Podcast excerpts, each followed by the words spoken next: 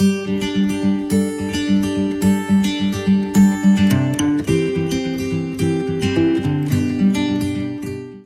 teman-teman, kembali lagi di channel Kaca Cerita dan dalam Bible Talk kita yang pertama kali ini kita akan membahas atau belajar bersama mengenai hal mendasar yang harus diketahui oleh kita sebagai orang percaya, yaitu Allah Tritunggal. Dan pemateri kita kali ini adalah Kak Andika. Halo Kak Andika. Halo. Puji Tuhan, kabar baik ya Kak ya? Baik, baik. Nah, Kak Andika ini, uh, teman-teman seperti yang kalian sudah tahu, mungkin Kak Andika adalah seorang hamba Tuhan, juga seorang dosen filsafat agama. Dan kali ini Kak Andika akan membawakan materi tentang Allah Tritunggal. Oke, Kak Andika, untuk selanjutnya saya serahkan kepada Kak Andika. Silakan, Kak. Oke, thank you, Ocha. Iya, hari ini kita akan sama-sama membicarakan, kita bincang-bincang santai gitu ya, tentang doktrin paling mendasar di dalam iman Kristen, yaitu Allah Tritunggal. Jadi, di dalam kekristenan itu ada dua hal yang paling mendasar, yaitu Allah Tritunggal, dan kedua adalah inkarnasi Kristus. Jadi dua hal inilah yang kepadanya kehidupan seluruh orang Kristen itu berpijak. Jadi saya ulangi, jadi doktrin yang paling mendasar di dalam kekristenan itu ada dua, yaitu Allah Tritunggal dan inkarnasi Kristus. Inkarnasi itu Allah yang menjadi manusia. Di dalam kedua hal inilah seluruh kehidupan orang Kristen itu berpijak.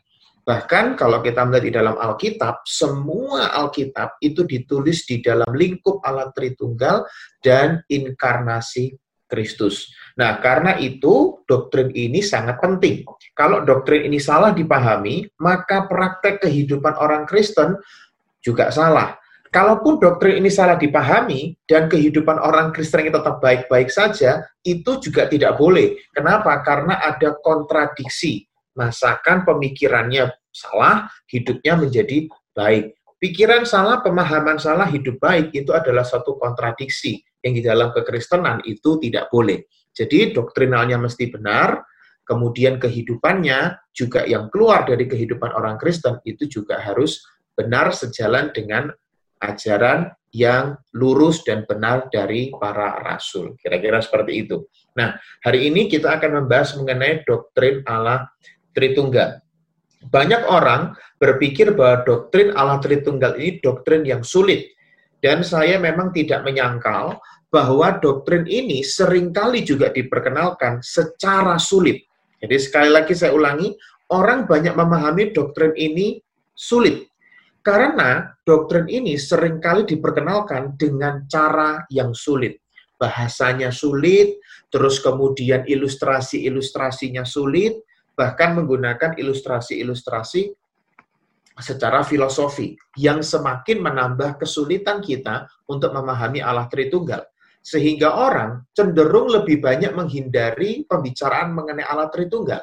Banyak orang merasa hanya ingin menjadi orang Kristen yang bicara mengenai kehidupan praktikal-praktikal saja, kehidupan sehari-hari. Saya mau ingatkan bahwa doktrin dengan kehidupan sehari-hari tidak boleh dipisahkan. Nah, oleh karena itu, kita perlu memahami Allah Tritunggal. Saya akan coba menyampaikan Allah Tritunggal secara singkat dan dengan ilustrasi-ilustrasi yang mudah. Meskipun nanti pada akhirnya kita akan memahami doktrin ini eh, bahwa Allah Tritunggal ini memang misteri. Ada hal-hal tertentu, meskipun sudah diberi ilustrasi, tetap menyisakan ruang misteri.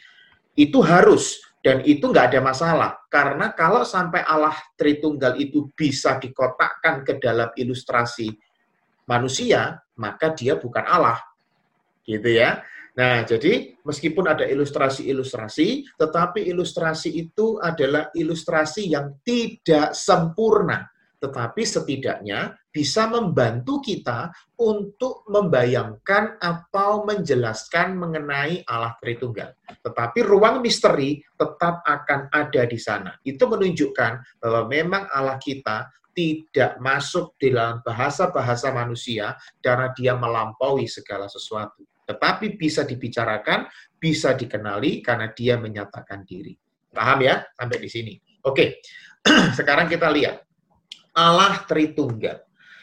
Istilah Allah Tritunggal, istilah Tritunggal ini pertama kali diungkapkan dalam tradisi lisan. Jadi Kristen itu bukan hanya sekedar tradisi tertulis yaitu Alkitab, tetapi juga ada tradisi lisan yang menjelaskan Alkitab. Ibaratnya begini, PPT ini adalah Alkitabnya. Nah, saya ngomong ini adalah tradisi lisannya. Nah, itulah kekristenan sebenarnya ya. Di dalam tradisi lisan yang di diperkenalkan oleh Theophilus, yaitu suksesi Rasul Petrus dari Syria Antioquia, dia memperkenalkan istilah Allah Tritunggal dengan istilah triados. Satu Allah, tiga hipostasis. Berbeda tidak terbagi, bisa dibedakan namun tidak terpisahkan. Saya ulangi. Jadi Theophilus ini penerusnya Rasul Petrus. Theophilus ini adalah penerus tongkat estafet kepemimpinan Rasul Petrus dari Syria, Antioquia. Dia memperkenalkan istilah Tritunggal dengan istilah triados, satu Allah, tiga hipostasis. Berbeda memang, tetapi tidak terbagi. Dibedakan, tetapi tidak terpisahkan. Nah, seperti apa penjelasannya? Kita lihat selanjutnya. Memahami Allah Tritunggal bukan memahami keberapaan atau jumlah seperti dalam politeisme. Jadi ketika kita mendengar Allah Tritunggal, jangan di kepala kita muncul pikiran gini, ada berapa banyak Allahnya orang Kristen. Jangan. Karena memang Allah Tritunggal tidak berbicara jumlah. Gitu ya. Karena kalau berbicara jumlah itu namanya triteisme, bukan tritunggal. Istilahnya bukan tritunggal, tapi triteisme kalau jumlah. Ya. Nah, memahami Allah Tritunggal adalah usaha memahami keberadaan di dalam diri Allah yang Esa, tiada berbilang, satu tiada bandingan. Nah, jadi memahami Allah Tritunggal itu memahami keberadaan Allah dalam diri Allah yang esa. Tiada berbilang. Tiada berbilang artinya trinya ini tidak boleh dipahami dalam pengertian jumlah. Itu artinya tiada berbilang. Satu tiada bandingan artinya dia tidak bisa disamakan atau disejajarkan dengan apa pun saja dengan ilah-ilah apa pun saja. Nah, itu ya. Jadi tiada berbilang itu artinya tri tunggalnya itu tidak bisa dipahami secara bilangan jumlah dan satu tiada bandingan artinya tritunggal ini memang tidak bisa dibandingkan dengan ilah-ilah lain. Nah, itu ya. Nah, sekarang kita lihat berikutnya. Allah yang Esa memiliki keberadaan yang sangat unik. Itu yang harus kita pegang baik-baik. Allah kita itu adalah Allah yang unik. Kenapa? Karena di dalam kesatuan dirinya memiliki firman dan roh yang bukan berasal dari luar kodratnya. Paham ya? Nah, jadi firman dan roh itu berada di dalam diri Allah yang Esa, bukan di luarnya. Nah, jadi kalau di luar kodratnya berarti betul-betul ada tiga. Jumlah Allahnya ada tiga. Nah, tetapi Allahnya itu Esa, memiliki firman dan roh bukan berasal dari luar kodratnya. Tetapi satu kodrat Allah yang Esa memiliki sifat ilahi yang sama, sebab keluarnya, maksudnya keluarnya firman dan roh, itu dari Allah sendiri. Kenapa kok dari Allah sendiri? Karena ia, yaitu firman dan roh, berada satu di dalam Allah yang Esa itu sendiri. Jadi ingat, ini kata kunci pertama. Allahnya Esa, di dalam kesatuan dirinya itu, memiliki firman dan roh yang bukan berasal dari luar kodratnya, tetapi berdiam satu di dalam diri Allah yang Esa. Itu kata kunci pertama. ya. Nah, memahami kesatuan kodrat Tritunggal itu sama seperti memahami keberadaan diri kita sendiri. Kita ini satu bersama pikiran dan roh kita, tetapi tidak ada tiga keberadaan terpisah yang berdiri masing-masing. Betul kan?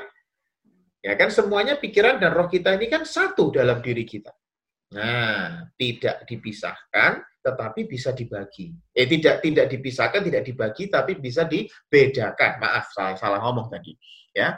Nah, Kemudian memahami Tritunggal, kesatuan kodratnya itu seperti memahami matahari bersama sinar dan panasnya, tetapi wujudnya itu satu dan tidak ada tiga matahari. Nah, jadi cara sederhananya memahaminya itu seperti itu.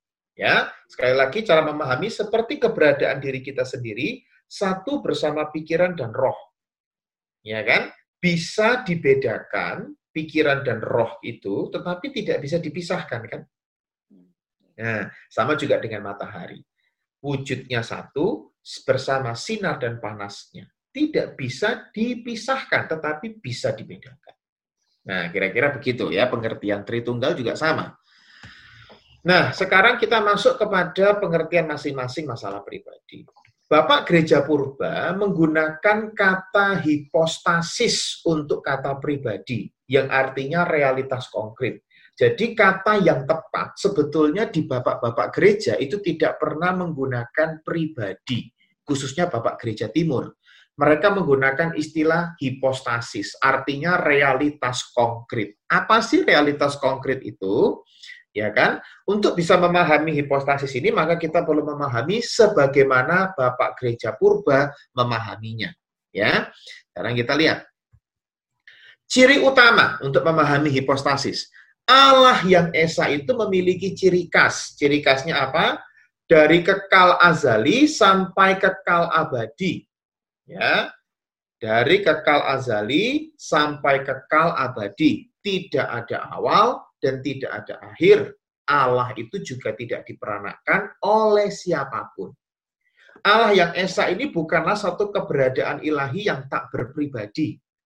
Tetapi ia adalah Allah yang personal. Dia berhipostasis atau berrealitas konkret. Gitu ya. Nah, ciri khas berikutnya adalah Allah yang Esa ini diberi gelar Bapa. Jadi Allah yang Esa ini kita sebut siapa? Bapak. Bukan karena jenis kelaminnya, tetapi gelar Allah yang Esa itu diberi gelar Bapak untuk menunjukkan dalam kaitan dengan ciptaan, dia adalah sumber dan asal-usul segala sesuatu. Kira-kira seperti itu yang harus kita pahami. Jadi, kenapa Allah yang Esa itu kita panggil Bapak? Karena dalam kaitan dengan ciptaan, dialah satu-satunya sumber dan asal-usul segala sesuatu pencipta, pemberi, dan pemelihara. Nah, ciri khas kedua, dalam diri Bapa atau Allah yang Esa, terdapat firman yang selalu bersama-sama dengan dirinya. Berdiam di dalam kodrat Allah yang kekal itu sendiri. Nah, misalkan kalau dalam Yohanes 1 ayat 1 kan ada kalimatnya begini. Pada mulanya adalah firman, Begitu ya. Firman itu bersama-sama dengan Allah. Nah, pertanyaannya begini. Bersama-sama itu di mana? Di samping atau di mana? Gitu loh. Di samping, depan, belakang bersama-sama itu. Ternyata bukan di samping, bukan depan, bukan belakang. Tetapi bersama-sama itu artinya berdiam di dalam kodrat Allah yang kekal itu sendiri.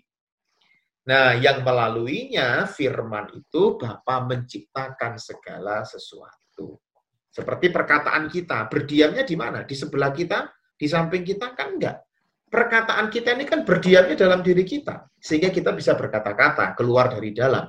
Nah, sama juga dengan Bapa. Firmannya tinggal di dalam dirinya, dan melalui firmannya Bapa menciptakan segala sesuatu. Ini ciri khas kedua. Nah, ciri khas ketiga, dalam diri Bapa Allah yang Esa yang kekal ini juga terdapat roh yang juga berdiam di dalam kodrat Allah yang kekal itu sendiri. Nah, misalkan 1 Korintus 2, saya baca ya 1 Korintus 2 ayat 10. Disebutkan begini, karena kepada kita Allah telah menyatakan oleh roh, sebab roh menyelidiki segala sesuatu, bahkan hal-hal yang tersembunyi dalam diri Allah.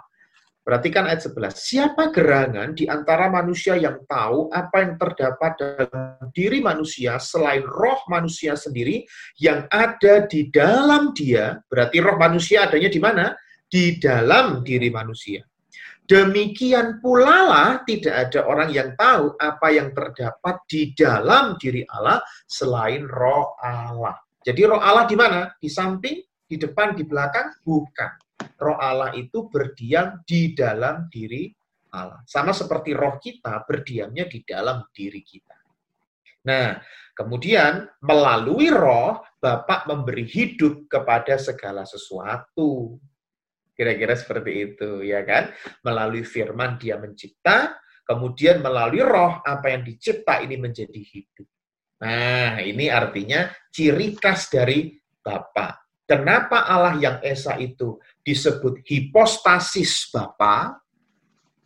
Realitas konkret karena dia punya ciri khas ini. Makanya dia disebut Bapa atau istilah yang umum di kalangan Kristen itu pribadi. Meskipun istilah pribadi itu bukan istilah yang tepat, karena ketika kita mendengar kata pribadi itu nanti muncul di pikiran kita itu tiga orang yang, tiga pribadi yang terpisah-pisah. Nah, makanya Bapak Gereja Purba menggunakan istilah hipostasis.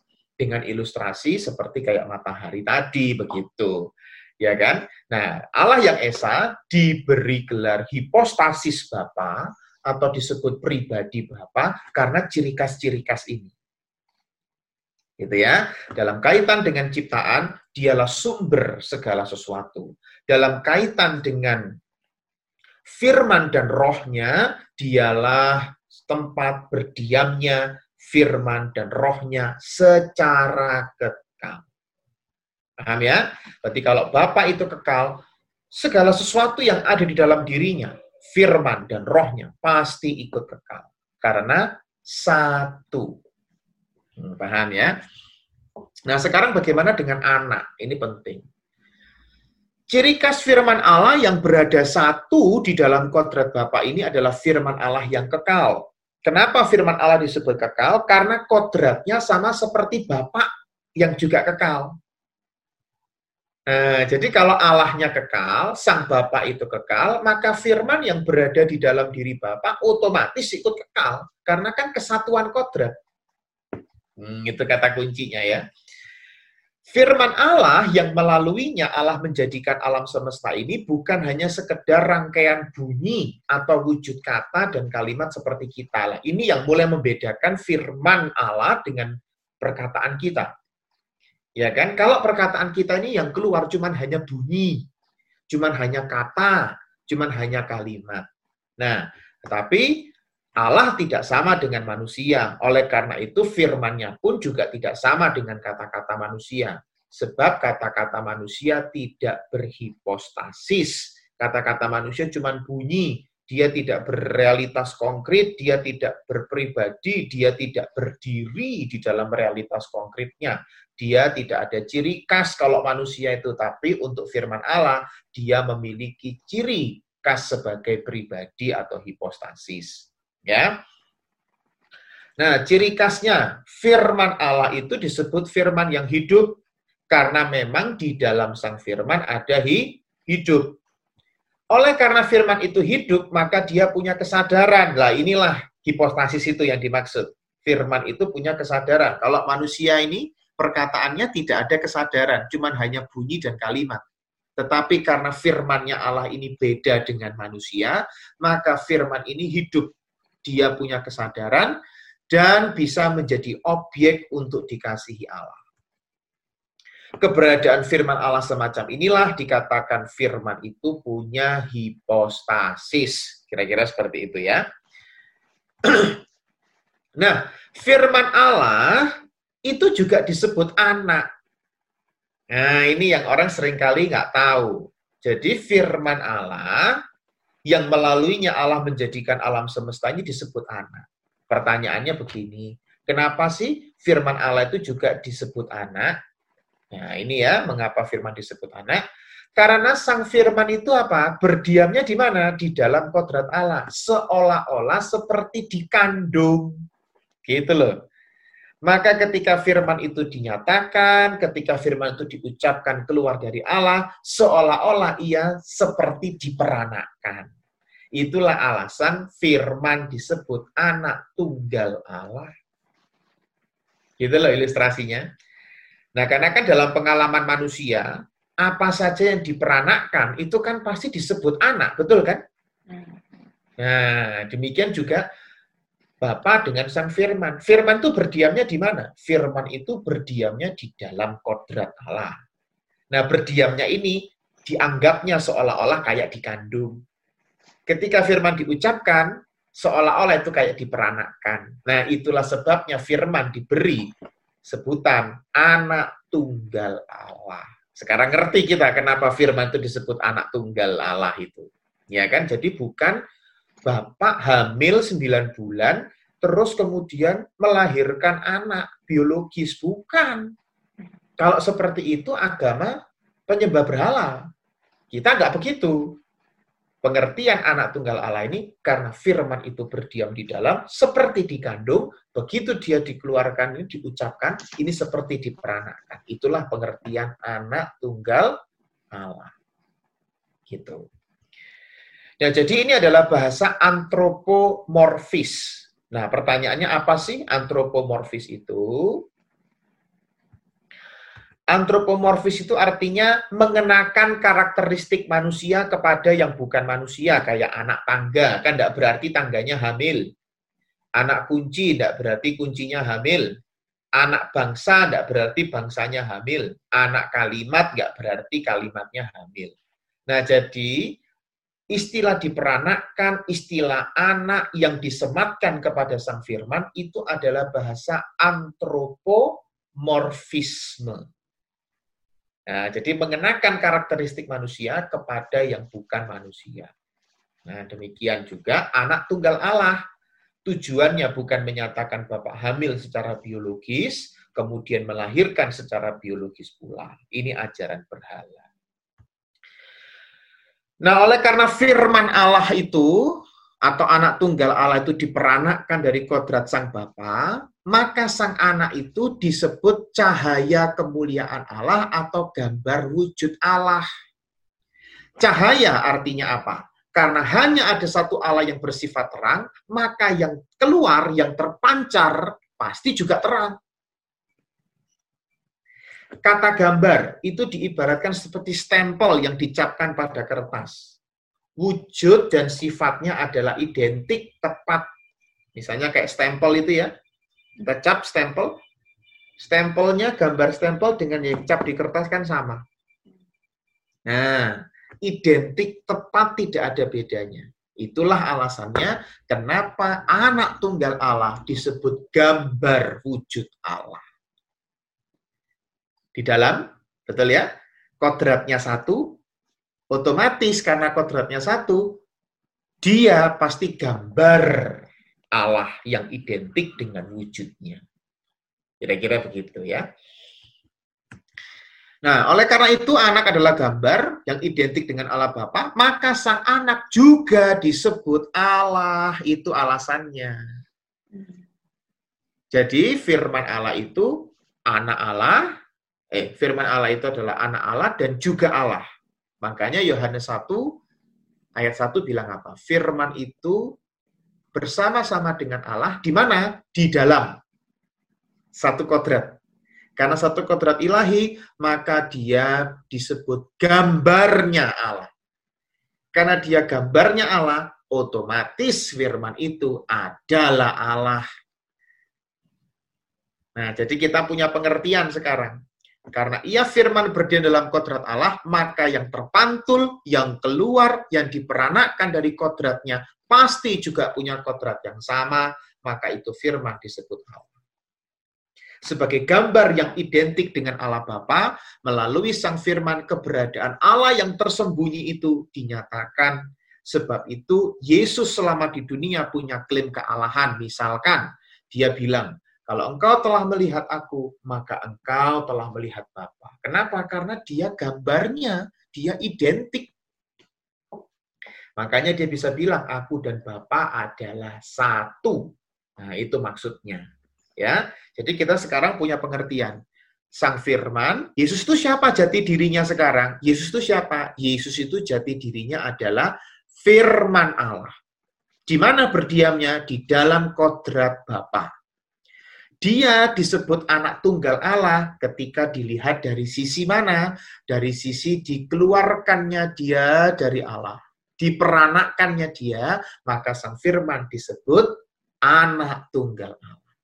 Kapan firman itu disebut Allah? Ketika dia itu dilihat dari sisi dia sebagai sang gambar yang identik dengan kodrat Allah. maka dia adalah Allah. Bisa dipahami ya sampai di sini. Nah, sekarang yang terakhir roh.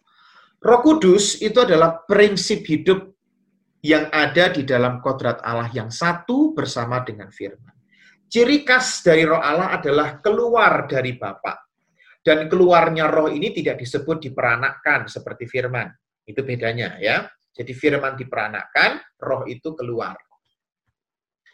Keluarnya roh dari kodrat Bapak ini berlangsung di dalam diri Allah itu sendiri. Jadi keluar ini bukan berarti copot. Gitu loh, ya kan? Nah, sebab itu keluarnya dari kodrat Bapak ini sebagai lingkup yang di dalamnya penyataan Allah dalam firman-Nya itu dapat terwujud. Kita nanti diperjelas maksudnya apa ini. Keluarnya roh seperti ini diibaratkan begini, hembusan nafas manusia ya kan? Hembusan nafas manusia itu kan tidak punya arti apa-apa kecuali tiupan angin toh. Tetapi ini yang menarik. Dengan bantuan artikulasi bibir, lidah, dan gigi terucaplah kata-kata yang bermakna. Setiap orang yang berkata-kata pasti di saat yang bersamaan menghembuskan nafas. Oleh nafas itulah maka suara manusia bisa bermakna. Demikian dengan roh seolah-olah ia sebagai tempat yang memungkinkannya terjadinya penyataan diri Allah dalam firman-Nya kepada diri Allah sendiri dalam kekekalan. Jadi artinya begini, kalau kita berkata-kata, pastikan otomatis ada hembusan nafasnya juga toh. Nah, bersamaan kan? Nah, sama juga dengan Allah. Ketika Allah mengeluarkan firman-Nya, roh pun juga hadir di sana. Itu maksudnya. Nah, maksudnya keluar itu seperti itu, bukan keluar copot terus kemudian Allah nggak punya roh lagi, bukan. Tetapi diilustrasikan seperti ketika manusia berkata-kata, maka ada hembusan nafasnya. Nah, ini ilustrasi yang sederhananya begitu, ya kan? Tetapi ini tidak sempurna. Kurang lebih pemahamannya bisa dipakai, dijadikan bantuan kita untuk memahami keluarnya roh ini. Maka roh itu sebagai tempat yang memungkinkan terjadinya penyataan diri Allah dalam firman Prosesi keluarnya roh Allah dari kodrat dalam kekekalan juga dikenal sebagai gerak hidup. Kenapa disebut sebagai gerak hidup? Karena ada pencurahan kasih Allah kepada firman-Nya melalui rohnya. Pencurahan kasih Allah ini terjadi saat keluarnya roh dari Bapa bertindih tepat barengan kira-kira begitu ya kan dengan diperanakkannya firman dari Bapa. Di saat itulah kasih Allah dicurahkan dari Allah kepada firman oleh Roh Kudus. Jadi memang inilah keunikan daripada Allah kita. Sampai di sini tidak ada ilustrasi yang bisa tepat untuk menggambarkan. Ya kan? Jadi ilustrasi-ilustrasi yang tadi itu, yang sedikit-sedikit itu, itu cuma hanya membantu kita untuk membayangkan sejauh itu bisa dibayangkan. Tetapi tidak bisa menggambarkan keseluruhan misteri daripada kealahan Tritunggal. Yang pasti, Allah itu Esa, tidak ada tiga Allah. Allah yang Esa itu dalam dirinya ada firman, ada roh. Kenapa Allah yang Esa disebut Bapa? Karena ciri khasnya dilihat dari sisi ciptaan, dialah sumber segala sesuatu. Dilihat dalam kaitan dengan kedua hipostasisnya, yaitu firman dan roh, dia tempat berdiamnya firman dan roh secara kekal. Itu ciri khas Allah yang Esa disebut Bapa. Firman Allah sekarang. Firman Allah berdiamnya di mana? Di dalam diri Allah yang Esa. Firman Allah disebut anak tunggal Allah karena apa? Karena dia itu berdiamnya di dalam diri kodrat Allah seolah-olah seperti dikandung. Ketika dia diucapkan seolah-olah seperti diperanakkan. Maka dari sisi situ firman Allah disebut anak tunggal Allah. Tetapi firman ini juga adalah Allah. Dilihat dari sisi mana? Karena dia berdiamnya dalam kodrat Allah, pasti kodratnya sama dengan Bapaknya firman kodratnya sama dengan Bapak. Karena firman kodratnya sama dengan Bapak, maka dia disebut gambar Allah. Karena dia gambarnya Allah yang identik, maka firman juga adalah Allah. Itu ciri khas dari hipostasis anak. Sekarang ciri khas dari hipostasis roh kudus apa? Keluar dari Bapa, bertindih tepat dengan diperanakannya firman dari Sang Bapa. Pada waktu keluar ini, terjadi pencurahan kasih dari Allah kepada Sang Firman melalui rohnya. Jadi muternya begitu itu, siklusnya itu. Ya kan? Nah, oleh karena terjadinya pencurahan kasih Allah kepada firman melalui rohnya, prosesi ini menyatakan ada lingkaran kasih. Itu garis bawah ya kalimat itu. Lingkaran kasih dalam kealahan. Di mana Allah kepada firmannya dan dari firman kepada Allah melalui roh yang sama. Inilah dinamika yang terdapat di dalam diri Allah yang esa. Maka Allah adalah kasih. Jadi kesimpulannya, demikian ciri khas-ciri khas khusus dari masing ciri khas itu tidak dipunyai oleh hipostasis yang lain dan tidak boleh dikacaukan. Hipostasis anak tidak diperanakkan, juga tidak memperanakkan secara biologis. Bapak mewahyukan firman-Nya dalam dan kepada dirinya, sebab itu dikatakan Bapak memperanakkan anak. Bapak juga memiliki nafasnya, prinsip hidupnya atau rohnya itu yang disebut sebagai keluarnya roh. Pribadi anak sebagai gambar yang identik dengan Allah Bapa Kemudian hipostasis roh disebut prinsip hidup atau gerak hidup yang mencurahkan kasih Allah kepada firman melalui rohnya. Sehingga adanya lingkaran kasih di dalam kealahan. Selesai sampai di sini. Oke deh. Wah, keren banget penjabarannya eh, jelas banget ya. Nah, tapi hmm. tadi ada yang ini nih Kak. Tadi kan ada yang apa ada satu kosakata yang jarang banget kita dengar yaitu kekal azali sampai kekal abadi. Nah, kekal azali itu gimana Kak maksudnya? Kekal azali itu artinya dia tidak punya permulaan, azal. Hmm. Tidak punya asal. Hmm. Nah, kekal abadi dia tidak punya akhir. Jadi dia tidak punya awal dan dia juga tidak punya akhir. Okay. Itu okay. maksudnya kekal azali dan kekal abadi. Oke. Okay. Nah, tadi udah cukup jelas kan Kak di apa Kak, Kak dijabarkan kalau apa namanya firman dan uh, apa bapak dan anak itu adalah satu kodrat. Tapi kalau bicara soal eksistensi Kak, eksistensi Yesus ketika dia turun uh, ke bumi ke dunia ini jadi manusia gitu. Itu kan berbicara tentang eksistensi. Kadang kita menganggap kalau ah berarti di sana kosong nih gitu ya kan. Karena kebanyakan kita menganggap bahwa bicara soal jumlah tadi, ya kesalahannya kan itu kita mungkin menganggap ada tiga nih jumlahnya, padahal kita bukan bicara tentang apa jumlah. Uh, nah itu kalau mengenai eksistensi, apakah bisa disamakan gitu ya dengan tadi yang kakak bilang tentang uh, kalau roh Allah kan itu seperti dihembuskan keluar tapi tidak copot gitu. Apakah seperti itu juga ilustrasinya gitu ketika Yesus turun ke dunia? Iya, sama. So, ilustrasinya begini. Waktu kita ngomong, waktu contoh ke Andika ngomong begini, hmm. kalimat ke Andika kan kamu tulis di kertas. Hmm. Nah, sekarang ketika kalimat ke Andika itu tertulis di kertas, pertanyaannya begini. Apakah langsung Kak Andika menjadi bisu gara-gara kalimat yang keluar itu jadi ditulis di kertas? Hmm. Nah, kan enggak kan? Yeah. Nah, jadi Kak Andika tetap ada punya kalimat tetapi kalimat yang baru dikeluarkan tadi itu wujudnya sekarang di dalam kertas. Hmm. Nah, ya, ya. jadi dia keluar, tetapi sekaligus juga masih tinggal. Nah, contohnya hmm. ilustrasinya kayak begitu. Sama juga dengan roh. Dia keluar, tetapi sekaligus juga masih tinggal di dalam diri Allah. Karena apa? Tidak terpisahkan dan tidak bisa dibagi. Oleh karena itu otomatis tidak bisa copot. Sama kayak kita. Di mana saja kita berada, pikiran dan roh kita tetap akan bersama-sama dengan kita di dalam. Hmm. Ya. Kita, kita nggak bisa nyopot ucapan kita, kita nggak bisa nyopot roh kita. Hari ini aku nggak mau sama dengan roh, roh tak taruh rumah, aku pergi, kan nggak bisa. Ya. Di mana saja kita berada, roh pasti selalu bersama-sama dengan kita, pikiran atau perkataan kita akan bersama-sama dengan kita. Ini kita. Tetapi Allah itu kan lebih daripada itu, kekal azali, kekal abadi. Ya demikian firman dan rohnya juga kekal azali, kekal abadi di dalam kodrat Allah. Gitu. Karena itu ya satu kesatuan ya teman-teman. Jadi sekarang udah hmm. kita udah mulai mengerti gitu. Kenapa sih? Karena banyak kak uh, apa namanya banyak yang orang atau saudara-saudara kita mungkin yang lain yang uh, tidak percaya, mereka juga nanya, kenapa sih Tuhannya orang Kristen kok ada tiga gitu ya? Nah, jadi sekarang teman-teman udah bisa ya untuk menjelaskan uh, apa yeah. namanya, sudah mengerti bahkan yang terpenting adalah mengerti dulu gitu ya, kitanya mengerti dulu. Gitu. Jadi intinya gini, Cak, Tritunggal itu jangan dipahami ke dalam pengertian jumlah.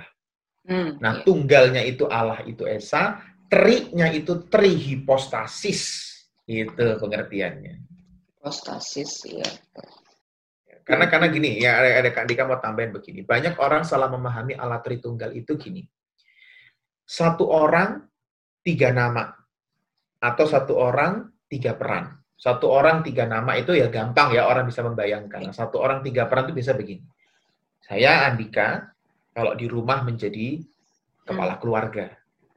Kalau di kampus menjadi dosen, kalau di warga menjadi eh, apa bagian dari ketua RT misalkan.